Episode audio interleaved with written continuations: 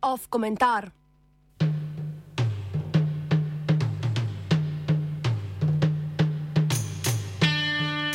Vrljiv prestiž nove mestne občine.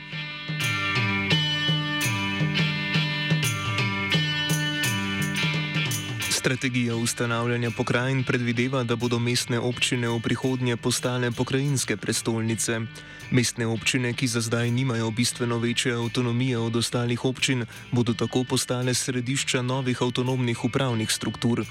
Kot je razvidno iz zasnutka zakona o pokrajinah, s katerim se je državni zbor seznanil pred dobrim letom, bodo pokrajine opravljale lokalne zadeve širšega pomena, naloge regionalnega pomena in prenesene državne naloge. Predvideni so tudi lastni pokrajinski organi, med drugim neposredno izvoljena predstavniška telesa, pokrajinski sveti. Tako je princip, po katerem se ravna ustanavljanje pokrajin, kolikor mestnih občin, toliko pokrajin, sprožil naval pobud za ustanovitev novih mestnih občin.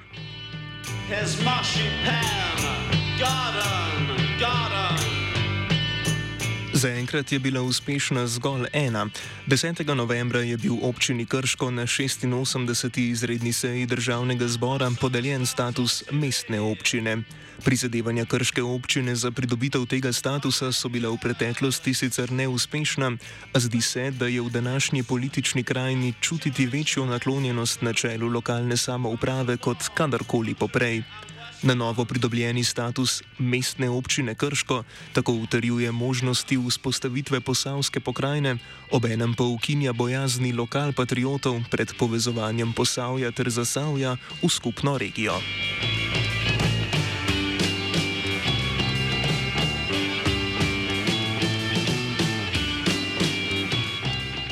Nova mestna občina ne izpolnjuje vseh pogojev 16. člena zakona o samoupravi. Člen namreč predpisuje, da se status mestne občine lahko občini dodeli, če je na njenem območju mesto, ki ima najmanj 20 tisoč prebivalcev in 15 tisoč delovnih mest. Ob pripoznanju, da krška občina tema pogojama ne zadošča, so predstavniki večine poslanskih skupin svojo podporo predlogu utemeljevali s klicevanjem na drugi del člena.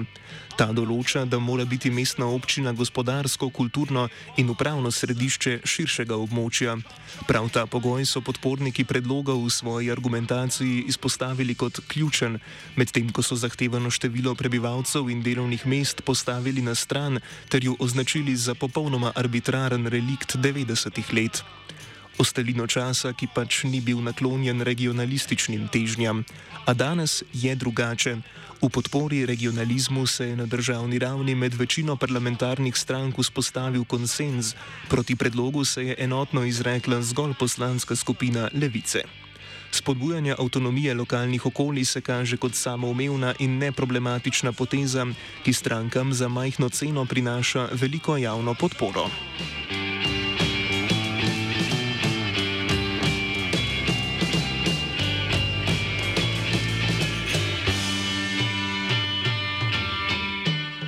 Status mestne občine za zdaj niti ne prinaša opaznih kratkoročnih posledic za gospodarsko stanje občine. Več predstavnikov poslanskih skupin, ki so podprle predlog, je podelitev statusa prikazovalo kot prepozno opravljen prvi korak v smeri zavarovanja jugovzhodnega dela Slovenije. Kot polaganje temeljnega kamna utrdbe, ki bo našo rodno grudo varovala pred nadaljnimi migracijskimi tokovi, tako pred begunci, ki so prečili posavje v sredini prejšnjega desetletja desetletja kot odtekanjem človeškega kapitala v bližnji Zagreb.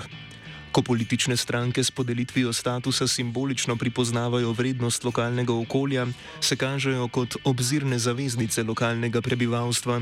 Obenem se zdi, da se je tako med desnimi kot levoliberalnimi strankami, od SDS-a do SD-a, uveljavilo samoumevno prepričanje, da naj bi prepuščanje avtonomije lokalnemu okolju samodejno spodbujalo tudi širšo politično participacijo lokalne skupnosti.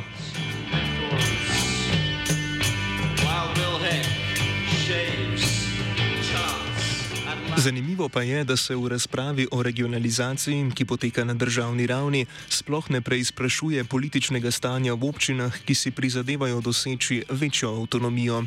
V razpravi o podelitvi statusa mestne občine občini Krško je odzvanjalo zgolj uniformno poudarjanje pomembnosti enakomernega regionalnega razvoja ter približevanja sistema upravljanja ljudem. Vprašanje podelitve statusa je tako obstalo na udobni poziciji politične teme, ki presega razlike, kot tema, glede katere se lahko na, na načelni ravni vsi strinjamo.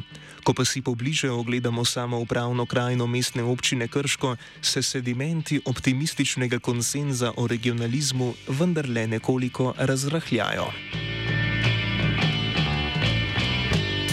The second dawn,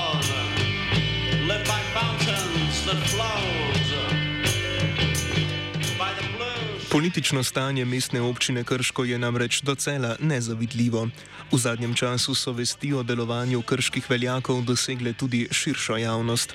V začetku januarja je spletni portal necenzurirano.si poročal, da se je poslovanje gradbenega in komunalnega podjetja Kostak, ki je v 43-odstotni lasti mestne občine Krško, pred dvema letoma znašlo pod drobnogledom nacionalnega preiskovalnega urada. Podjetje sicer že vrsto let prevladuje na občinskih javnih razpisih, na katerih navadno uspe, saj prijavi najugodnejšo ponudbo.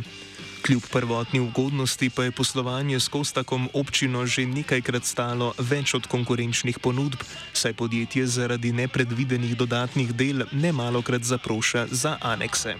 Hey,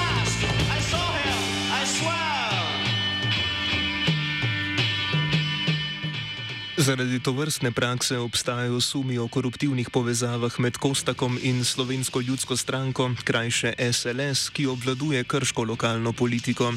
Preiskovalci nacionalnega preiskovalnega urada so Kostak zaprosili za upogled v korespondenco med njegovim hčerinskim nepremičninskim podjetjem KOG ter družbo Hermes.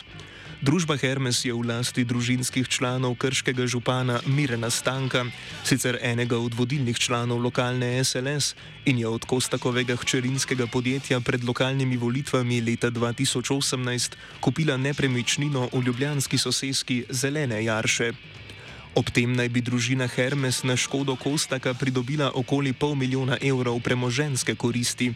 Očitke konflikta interesov Stanko in Kostak zavračata, a dejstvo je, da sta med člani nadzornega sveta Kostaka dva člana SLS, Melita Čopar in Jože Slivšek.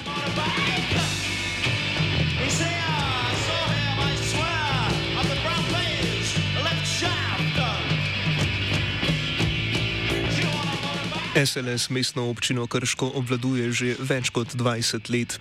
Stranka je na državni ravni že zdavnaj postala dokaj nepomemben akter. Možnosti prestopa parlamentarnega praga na prihajajočih državno-zborskih volitvah ima zgolj v eklektični predvolilni koaliciji Povežimo Slovenijo. A njena moč v krški občini še zdaleč ne pojenja. Lokalna sestava SLS niti ni pretirano zaskrbljena nad odmiranjem stranke na državni ravni. To namreč do zdaj še ni ogrožalo udobnega položaja njenega krškega odbora, ki deluje kot interesno združenje vplivnih članov stranke in lokalnih podjetnikov. Združuje jih predvsem interes po obladovanju finančnih tokov iz občinskega proračuna. V primerjavi z ostalimi slovenskimi občinami Krška spada med bogatejše.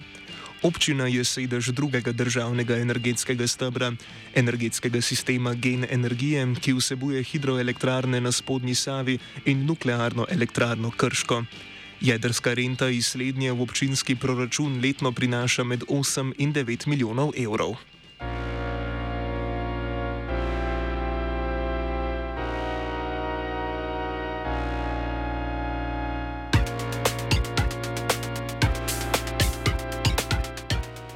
Pripadnost stranki v kontekstu lokalno-političnega delovanja niti ni tako pomembna. V krškem, v krškem lokalni odbori stranke SLS, SD, DESUS in NSI delujejo usklajeno, neobremenjeno z ideološkimi razprtijami, ki jih zaposlujejo na državni ravni.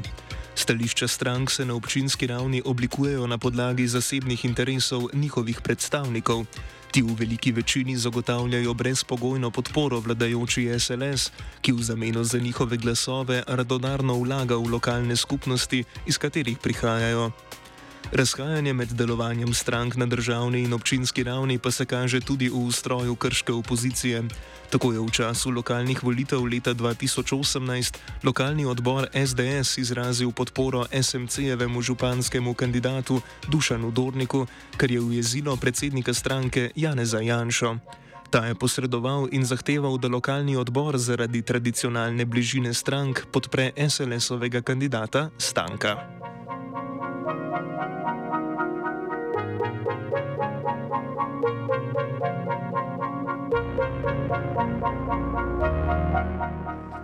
Obenem se zdi, da se pragmatično delovanje lokalnih odvodov strank sklada z anemičnostjo njihovih voljivcev. Odnos do lokalne politike v bodočem središču posavske regije je tako mlahav, da ni skoraj nobene možnosti za menjavo okostenele politične garniture, ki se je vrasla v vse pore občine. Na tem mestu se lahko spomnimo državno-zborskega leporečenja o lokalni samoupravi. Zdi se, da ta diskurs v veliki meri zgolj zadovoljuje lokal-patriotične sentimente, ki prinašajo poceni politične točke tako državi kot lokalni politiki. Obljubljena nam je svetla, decentralizirana prihodnost, v katero z roko v roki korakata gospodarski razvoj ter za svoje okolje zainteresirana javnost. A zdi se, da je javnost daleč od participacije željnih voljivcev, ki jih idealizira regionalistični diskurs. Hkrati pa se ne moremo otresti občutka, da bodo regionalistične težnje privedle do širjenja vpliva že danes do dobra konsolidiranega interesnega združenja. Slednje bo povečanje pristojnosti, ki jo ponuja decentralizacija, najverjetneje izkoristilo v svoj prid in razširilo okolje za črpanje javnih financ.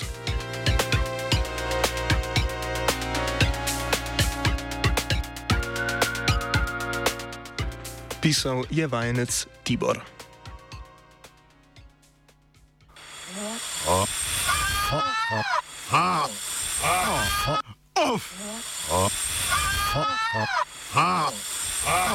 Off komentar.